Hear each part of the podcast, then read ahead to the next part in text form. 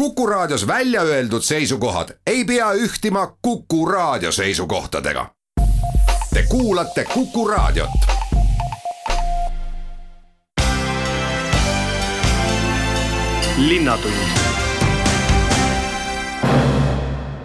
Tere kuulama saadet, mis annab esmatribüüni neile, keda Tartu Äsja Tartu päeval tunnustas Tartu medaliga, sest nad on teinud tavalisest rohkem ülikoolilinna heaks ja auks ning ka neile, kes teiste tahtmise ettevõtmisi tunnustanud, kellel on väge ja võimu seda teha.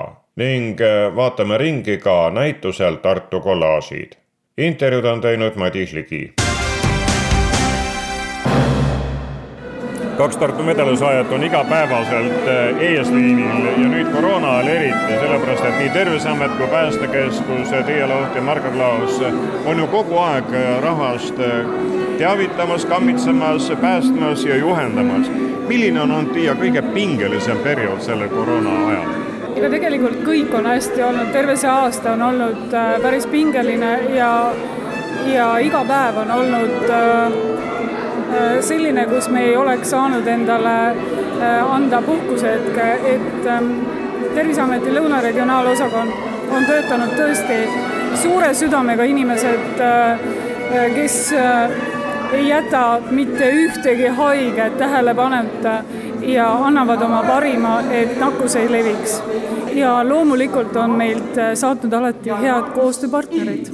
koostööpartnerid, kelleks on siis Äh, loomulikult siin minu kõrval kohe Margo, kes äh, tõeline, kes äh, väikeste sammudega õpetas mind ka kriisis hakkama saama. et ega kriis on meile kõigile oli küllaltki noh, uus, uus elu, milles me õppisime elama ja jätkame selles ka elamist. mille pärast inimesed on Terviseametisse kõige rohkem helistanud ja kas nad teevad seda ka veel praegu? Oo oh jaa oo oh jaa, nüüd on uus asi. Äh, kas maski enam ei pea kandma ka poes, kas arsti juures, aga siiani ikkagi, et ma olen haige, mis minust nüüd saab äh, ja kõik see küsimused on seotud murega oma tervise, oma lähedaste pärast. Need on need põhilised küsimused kas Terviseameti inimeste puhkusegraafik on jäänud selliseks, nagu aasta algul planeeritud? kas te julgesite üldse puhkusegraafikut siis teha? Ei, aasta algul äh, me üritasime, me mõtlesime mingeid plaane teha. Äh, aga muudatusi on tõesti tulnud ette. Margo Klaas, kui võtta nüüd seda koroonapandeemia aega pääste poole pealt, siis äh, mis on teile kõige enam tööd andnud? kõige rohkem oleme tööd saanud sellistes valdkondades, millega me tavaliselt igapäevaselt üldse ei toimeta. ehk siis tegelikult enne seda epideemiakriisi me küll kujutasime ette, millised võiksid meie ülesanded olla selles kriisis. aga kuna otseselt äh, selle epideemia lahendamisega me ei ole kunagi ise pidanud tegelema, pole kokku puutunud, siis me tegelikult selle kriisi ajal äh, hakkasime tegema täiesti teistsugust tööd ja täiesti teistsuguseid ülesandeid. me võtsimegi enda peamiseks eesmärgiks teiste abistamise, äh, Terviseameti toetamise, omavalitsuste toetamise ja tegime kõike seda, milleks me oleme just nii-öelda kriisimaailma mõttes kogu aeg valmistunud. ehk siis me hakkasime, keskendusime puhtalt kriisi enda lahendamisele ja teiste abistamisele ja oma sellised tavapärased ülesanded äh, olime sunnitud natukene kõrvale jätma. kuid eks need, kes teie ametis on ning kes on selleks koolitatud, seatud, ole ka pingeteks rohkem valmis võib-olla kui tavainimesed. vaevalt, et ses osas tagasilööki oli kõik need naised ja mehed, kes olid enne pandeemiat rivis, on ka nüüd? sellega ei ole probleemi, et, et inimesed äh, kuidagi oleks rivist välja langenud. et äh, aga pigem, pigem just see, et äh, loomulikult meie asutus sees ka, mida kriisi varases faasis oli seda teadmatust oluliselt rohkem, et, et mida me võime teha, kui palju see kedagi ohustab, et eesliinis, eesliinil töötades, et kui kedagi mindi päästma, kedagi mindi abistama või ka kodunõustamisi tegema, et siin pidime väga täpselt mõtlema, et kuhu me peame minema. kõik päästmised said tehtud, aga näiteks äh, selline ennetustegevus, seda me pidime oluliselt piirama, et, äh, et väga palju jah, neid, neid asju, kus me saaksime inimesi ennetavalt aidata, me nüüd samamoodi teha ei saanud et selle ressursi suunasime kõik sellele, et, et olla abiks omavalitsustele ja, ja Terviseametile, kõigile teistele. õppetunde üsna mitu? Õppetunde on hästi palju ja ma arvan, et peamine asi, mis, mis on, et sõltumata sellest, milline kriis on, et siis kriisi ajal toimetavad kõik asutused koos. ja seesama tunnustus, mille pääste, päästekeskus siis praegu ka linna poolt sai, et see ongi tunnustus hästi suurele meeskonnale, et me ei teinud mitte seda asja, mida, mida me igapäevaselt peame tegema, vaid me võtsime ette endale natuke teised ülesanded ja tulime linnale, tervishoiule, politseile, ka teistele enda, enda inimestega teisel kujul, aga appi. Ka Tartu medali saanud ülikooli kliinikumi kriisijuhtimismeeskonna juht professor Joel Starkov ütles, et neil nüüd kriisijuhtimismeeskond kui selline, kui struktuur on oma töö lõpetanud. kuidas on siis päästekeskuses, kas nimeliselt on see eriolukorra, mis ta teil oligi seal, see komisjon või staap alles, kuna oht on vähenenud või igaks juhuks mitte? Äh, no eriolukorra ajal ja eriolukorra tööde juhtimise roll, et see oli ainult eelmise aasta kevadel. aga eelmise aasta kevadest alates me oleme väikeste vahedega, mis oli esimese-teise laine vahel, äh, oleme kokku kutsunud iganädalased regiooni kriisikomisjoni, mida, mida mina siis juhin ja kus oli kõik Lõuna-Eesti kohalikud omavalitsused, kõik riigiasutused ja no meil oli meeskond viis-kuuskümmend inimest äh, iga nädal äh, veebi vahendusel koos. ja selle kriisikomisjoni tegevuse me lõpetasime äh, ikkagi mai lõpu seisuga ära. Et ja oleme iga kell valmis kokku tulema ükskõik mis kriisi ajal. Ja see meeskond on väga hästi üksteist tundev, väga hästi koostöös harjunud, nii et meeskond on, on olemas, iga kell valmis tulema. Kui on vaja teha seda epideemia kolmanda laine ajal, siis on see nii, kui on mingi muu kriis, siis on see muu kriis Enn Lillemets on aastakümned kündnud Tartu kultuuripõldu ja nüüd siis Tartu medali saanud Rae käest ka tunnustuseks. mis on sul praegu pooleli? praegu tuleb kohe varsti minna Luunjasse taastusproovi tegema. et me mängime sel aastal ka keisriusku Visnapuu ja Looneotsa näitemängu Raivo Trassi lavastuses. see on üks asi, aga siis, kui veel noh, veel ütelda, siis õhus ja tegemisel on äh, Valve Janovi näitus Tallinnas Adamson-Eeriku muuseumis koos Ülle Kruusiga. Valve Janov oleks saanud selle aasta alguses sada ja oli üks meie kunstniku vallas põhilisi ja tegusamaid taastajaid. ja teeme tema varase loomingu näituse, see põnev osa, mida näitusele ei saanud omal ajal panna. seda Tartut, nii ajaloolist kui tänast oled sa rahvale selgemaks kirjutanud, selgemaks näidanud ja korraldanud ka näitusi ning olnud ka juhiks, olgu siis Tartu päeval või mõnel teisel üritusel ning vallas tegutseb? tegutseb, küll niiviisi suuresti varjus aga see ongi see valguse ja varju küsimus, ongi üks põhiline Pallase maalikooli küsimus kuid kui vaadata nüüd enne kirjasõna, siis eh, kas sa suvel kirjutad ka või laadid akusid ja otsid eh, tuge nagu mujalt?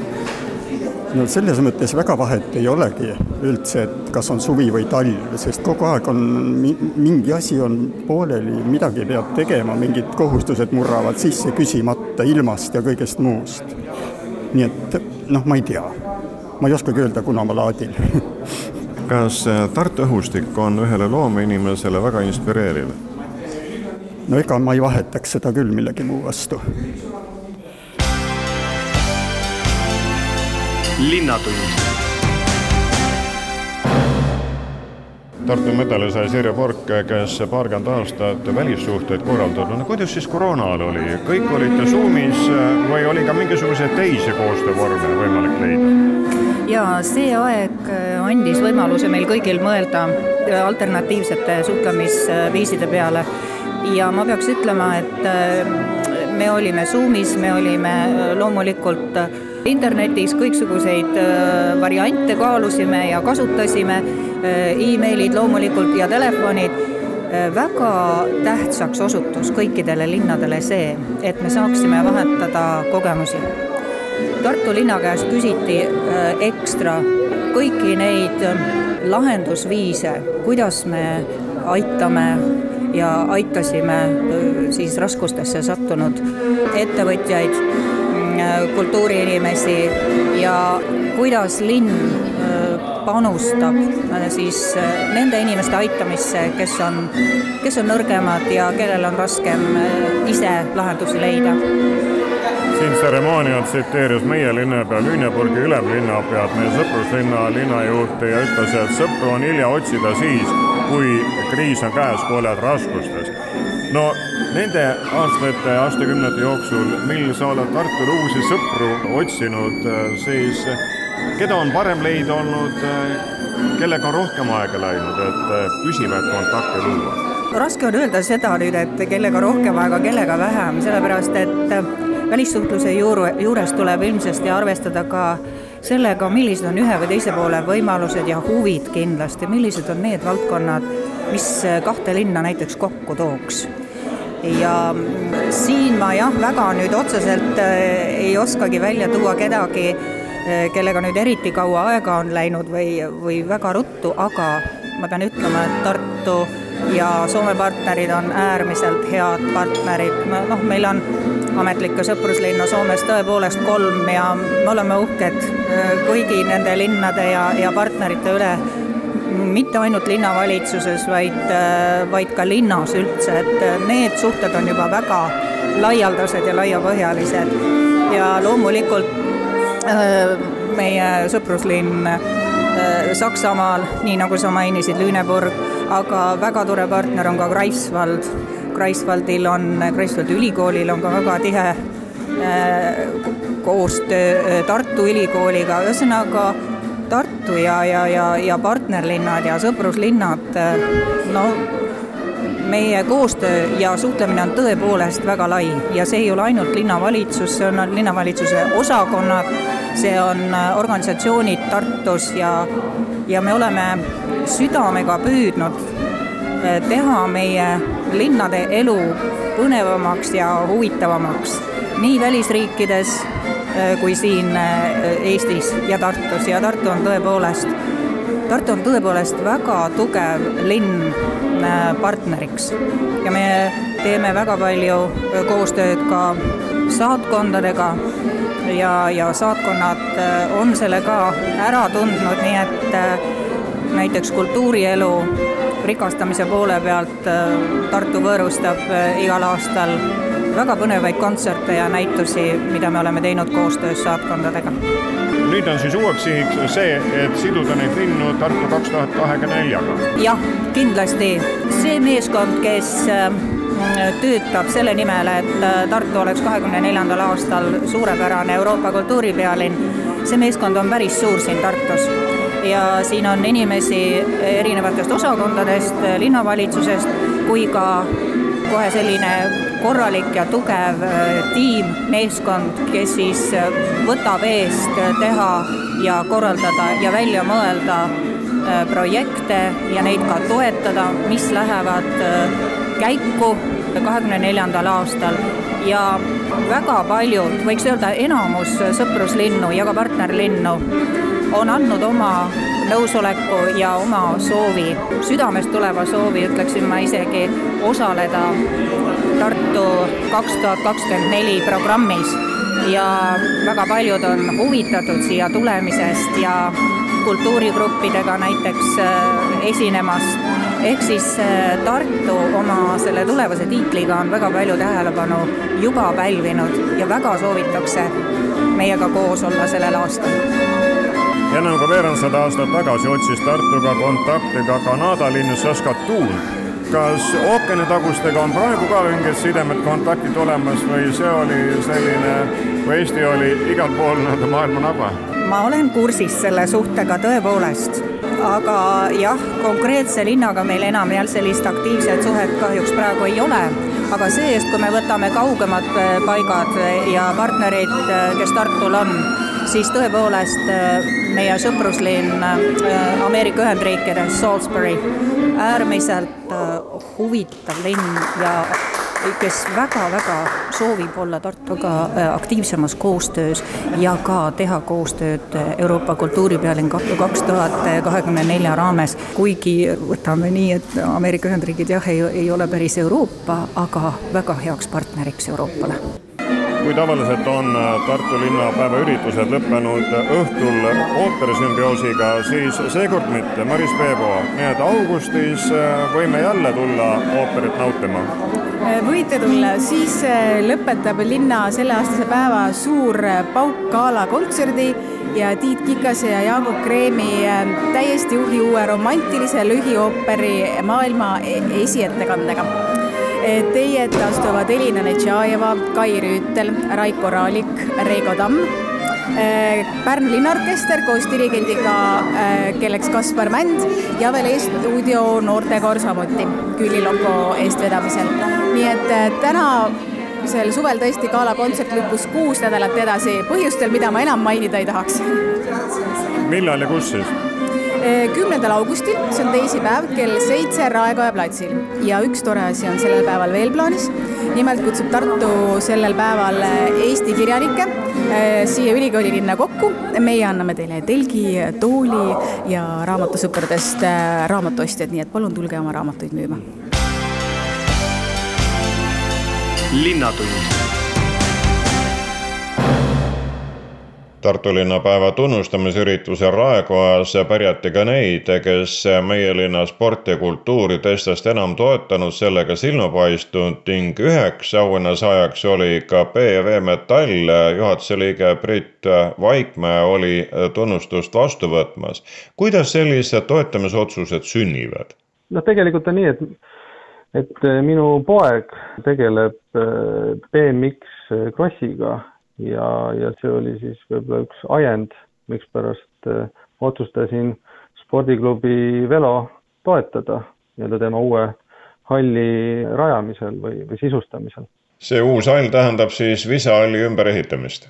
just. nüüd on kõik tehtud, saab mõõtuvat trenni teha? jah, seal väike arendamine ikka veel käib, aga ütleme, selles mõttes suures mahus on asjad tehtud. jah, et rada on valmis, kõik saavad äh, trenni teha, saab võistlusi korraldada, saab see sõita nii meie omad sõitjad, teised klubid kui ka nii-öelda siit kõrvalt võib-olla Läti sõitjad ja, ja kõik sellised need sportlased.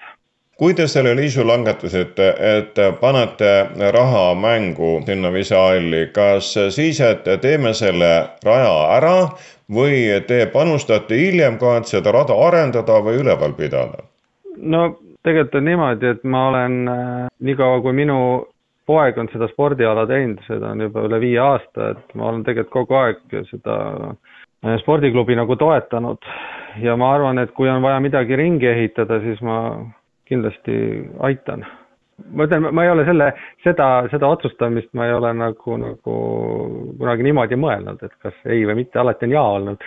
nii et mingit kindlat summat teil ei ole planeeritud, nii kuidas vaja on, nii te vahendeid ka leiate?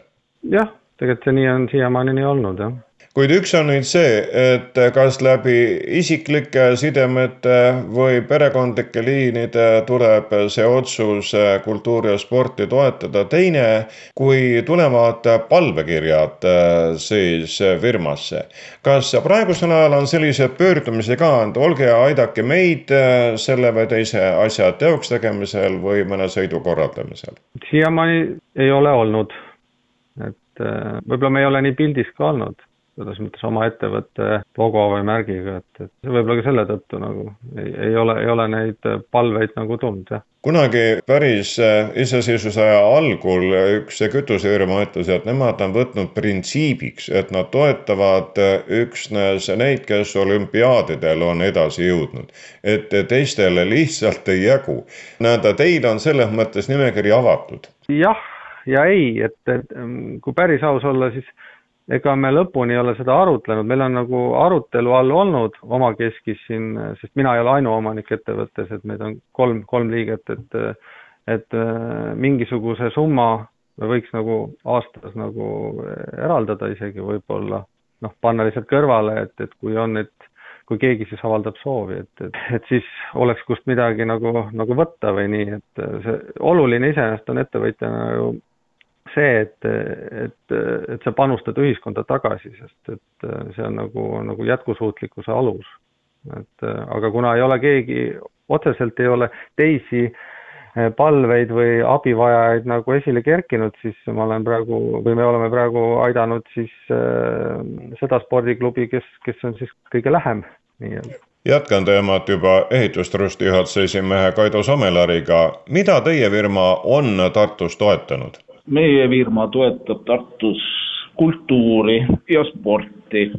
ja tegelikult hoopiski nagu sellise mõttega toetada oma linna ja oma asja tegemisi, mis jõuaks nagu meie endi inimesteni tagasi, enda inimeste ja ja perekondade ja lasteni tagasi, et see on meie selline nagu laiem põhimõte olnud toetamise juures, aga aga võib-olla täpsemalt siis me oleme aastaid Draamafestivali näiteks toetanud, Tartu linnapäeva, siis spordivõistlusi, mis toimuvad äh, suvel keset linna, üks mootorrattavõistlus vist on see aasta ka tulemas, kahekümne üheksandal juunil, jõululinna ehitust, et äh, noh, need on olnud meie väike panus Tartu linnale. Nii et te olete välja valinud sellised pikemaajalised projektid, mitte ei oota nüüd, et üks ja teine pöördub ja küsib abi. No pigem niimoodi, pigem niimoodi. Tundub mulle nagu mõlemat pidi õigem võib-olla olevat, et, et keda me toetame, see saab meiega arvestada nagu pikemalt, mitte ei pea iga aasta võib-olla mõtlema, et kas nii või nii on asjad ning kui te olete need välja valinud, kes teie käest tuge saavad, siis ikkagi on rahad igal aastal sellele ette nähtud ja need võivad ka kasvada vastavalt sellele, kuidas enda kassas seis on? Vot väga hea küsimus jah, need võivad ka kasvada, aga kassas on ju seis erinev, et eks me ikka natuke vaatame nagu sedapidi ka, et mis siis on sellel konkreetsel üritusel plaanis.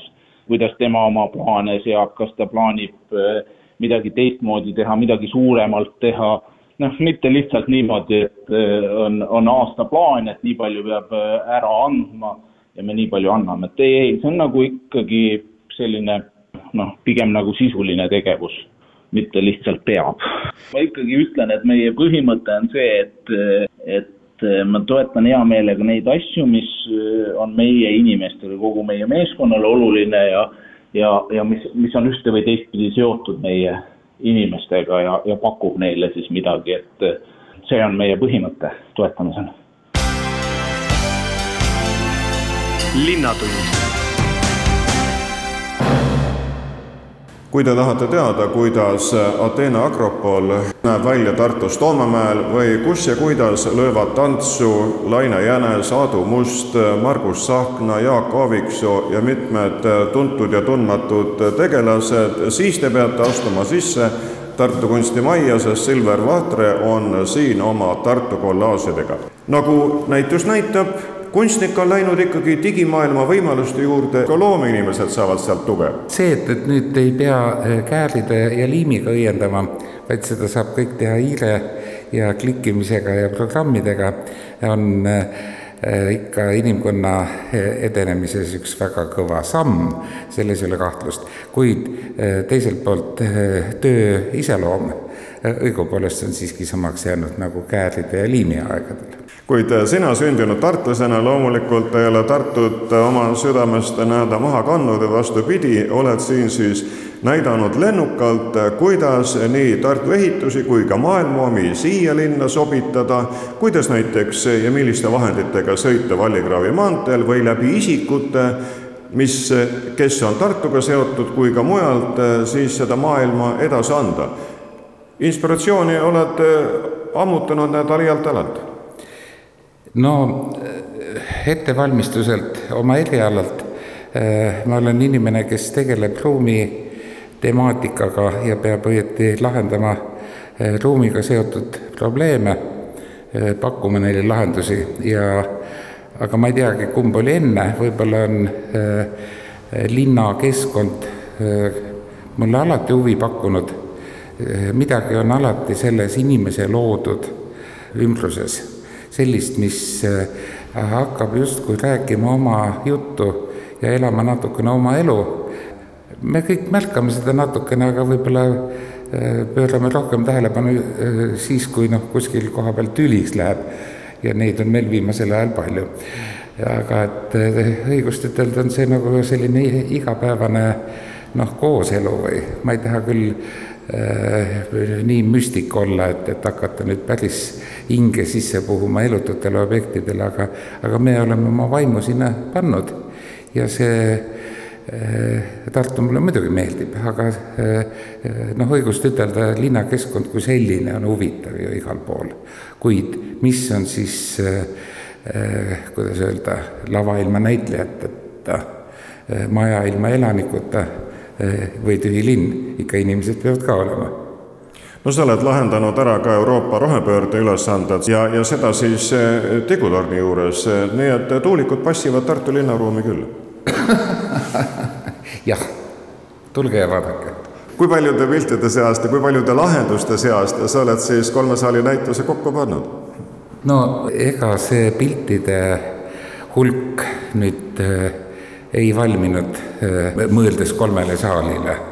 Äh, kuidagi võiks öelda, et, et mitte liigselt planeerides pikkamisi kujunes selle pildilise pajatamise või, või, või endale küsimuste esitamise protseduuri tulemuseks kakskümmend kaheksa graafilist lehte ja kas seda nüüd sarjaks nimetada, aga noh, vaidlesime siin Hendriko Talvistuga, kes on eh, olnud kõva utsitaja selle näituse eh, nagu sünnil ja ülessaamisel, et et noh, mis talle siis ikka nimeks panna, no kui on pildid ja on kokku kleebitud ja Tartus siis Tartu kollaažid palun väga. Silver, kuidas näeb välja siis kunstniku suvi, kui näitus on koos, näitus on üles pandud rahvale vaadata, kas suvi on sellel selline loominguliste impulsside otsimise aeg, enda laadimise aeg või lood ka midagi suvel? no suvel tuleb ikka teha kõike, ei tohi unustada seda laadimist kindlasti mitte. aga äh, ma näiteks ei mõista ka päriselt äh, logeleda võib-olla, sest et eestlastel võiks see ju veres olla, meie esiisad suve ajal eh, tegid kõige rohkem tööd, aga nad mõistsid ka puhata, nii et ma arvan, et, et see lühikene, kuid meie jaoks väga pikk suvi annab võimalusi mõlemaks. teed sa seda ka Tartus või oled oma maakodus Läänemaal? no siin ja seal teine usutletav on Enrico Talvistu, no juuli lõpuni on äh, see Silveri näitus siis siin kunstimajas vaadatav? nojah, juba möödunud aastal oli ta küll seoses Covidiga, oli ta tema Silveri Tähtvere kodus korraks üleval niisugune tuttavatele ja ja kui Silver mulle näitas enne neid pilte arvutis, ma ütlesin, et vau, ma ei ole noh, nii põnevat Tartu teemalist ruumikollaaži jupp aega näinud ja noh, muidugi kui mõelda selle peale, et, et Silver on, ütleme nii, et grand old man linnakujunduseni Tallinnas kui Tartus, lavakujunduse, filmikujunduse, näitusekujunduse, mida te tahate, graafika, plakatite ajal. et eh, ta oli vaikselt ja salaja kodus kõik niisugused asjad kokku pannud. siis ma olin täiesti üllatunud, ütlesin, vahva, vot sellest saab kindlasti ühe näituse, mida Tartus on põnev vaatama tulla. no ei ole jah, Silveril eh, meremaastikke ja, ja soomaastikke, ta on ikka nagu urbaanne inimene aga see, kuidas ta linnaruumiga ümber käib, kui vabalt selle faabulaga seal nii-öelda orienteerub selles, et siin ei tule otsida mingisugust nüüd niisugust tagamõtet või millest, vaid lihtsalt läks niimoodi, nagu heas, eks ju, see tähendab Lincolni raamatus, see lihtsalt läks niimoodi.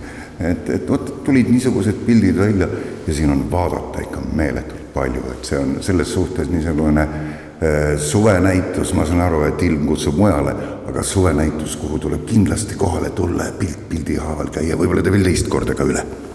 Suvi kutsub ka näitusele, kutsub oksjonile, nagu äsjane Tartu kunstioksjon näitas, et üllatavalt suur oli huvi, poolsada tööd leidsid peaaegu kõik uue omaniku ning käidi välja rekordilised summad, järelikult rahvas tahab kunsti nautida, tahab kunsti soetada ja on valmis ka veeringuid välja veereta jah, loomulikult ja see sai nüüd tänu Covidile siin pikalt ka üleval olla ja igal pool näha, nii et eh, inimesed, kes kahtlesid, said lõpuks oma otsuse tehtud. aga jah, see on terve maailma tendents praegu, et kunstihinnad tõusid üles, sest inimestel jäi raha nii palju mere ääres pesitamisest kätte, mida teha ei saanud, eks ju. et, et ostetakse palju ja noh, tore, et Eesti on samal pulgal Enrico, praegu me räägime siin näitusesaalis, kuid äh, sa toimetad ka nende teistes saalides ja teistes ruumides, teed ka giiditööd. kas see suvi annab selle poole pealt ka leiba või rahva mõtted ja kaared on nüüd koroona tõttu mujal? oh, mis ta nüüd leiba annab, ma olen lihtsalt siin lubanud, möödunud aasta jäid ju ära, aga nüüd siin tuleb linnapäeval tuleb üks niisugune ekskursioon kesklinnas ja noh, vot räägitakse kaug pähe ja siis tuleb see autovabadus, seal ma olen lubanud ka üks noh, orgunnida niisugust neli-viis ekskursiooni, aga veel ei ütle, kellega koos, see on ikka Maris Predega meil niisugune vaikne, vaikne kokkulepe.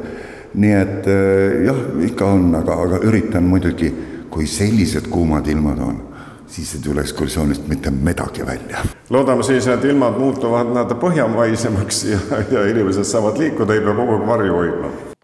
kallid kuulajad, see oli üheksas intervjuu, mis lõpetab ka tänase saate ning sõna said Tartu medali saanud Terviseameti Lõuna regionaalosakonna juhataja Tiia Luht ning sama tunnustuse pälvinud Lõuna päästekeskuse juht Margo Klaos ja ka kirjanik ja kultuuriloolane Enn Lillemets ning pikaaegne Tartu välissuhete juht Sirje Pork. Tartu päeva ürituste jätkumisest augustikuus andis teada Digi seltsimaja direktor Maris Peebo. kultuuri ja spordi toetamisest rääkisin linnalt tunnustuse pälvinud PV Metalli juhatuse liikme Priit Vaikmäe ja ehitustrusti eestvedaja Kaido Sommelariga ning äh, näitusel Tartu kollaažid olid mikrofoni ees kunstnik Silver Vahtre ja kunstiteadlane Enrico Talvistu. intervjuud sidus saateks Madis Ligi. aitäh kuulamast, olge terved ja nautige suve. linnatund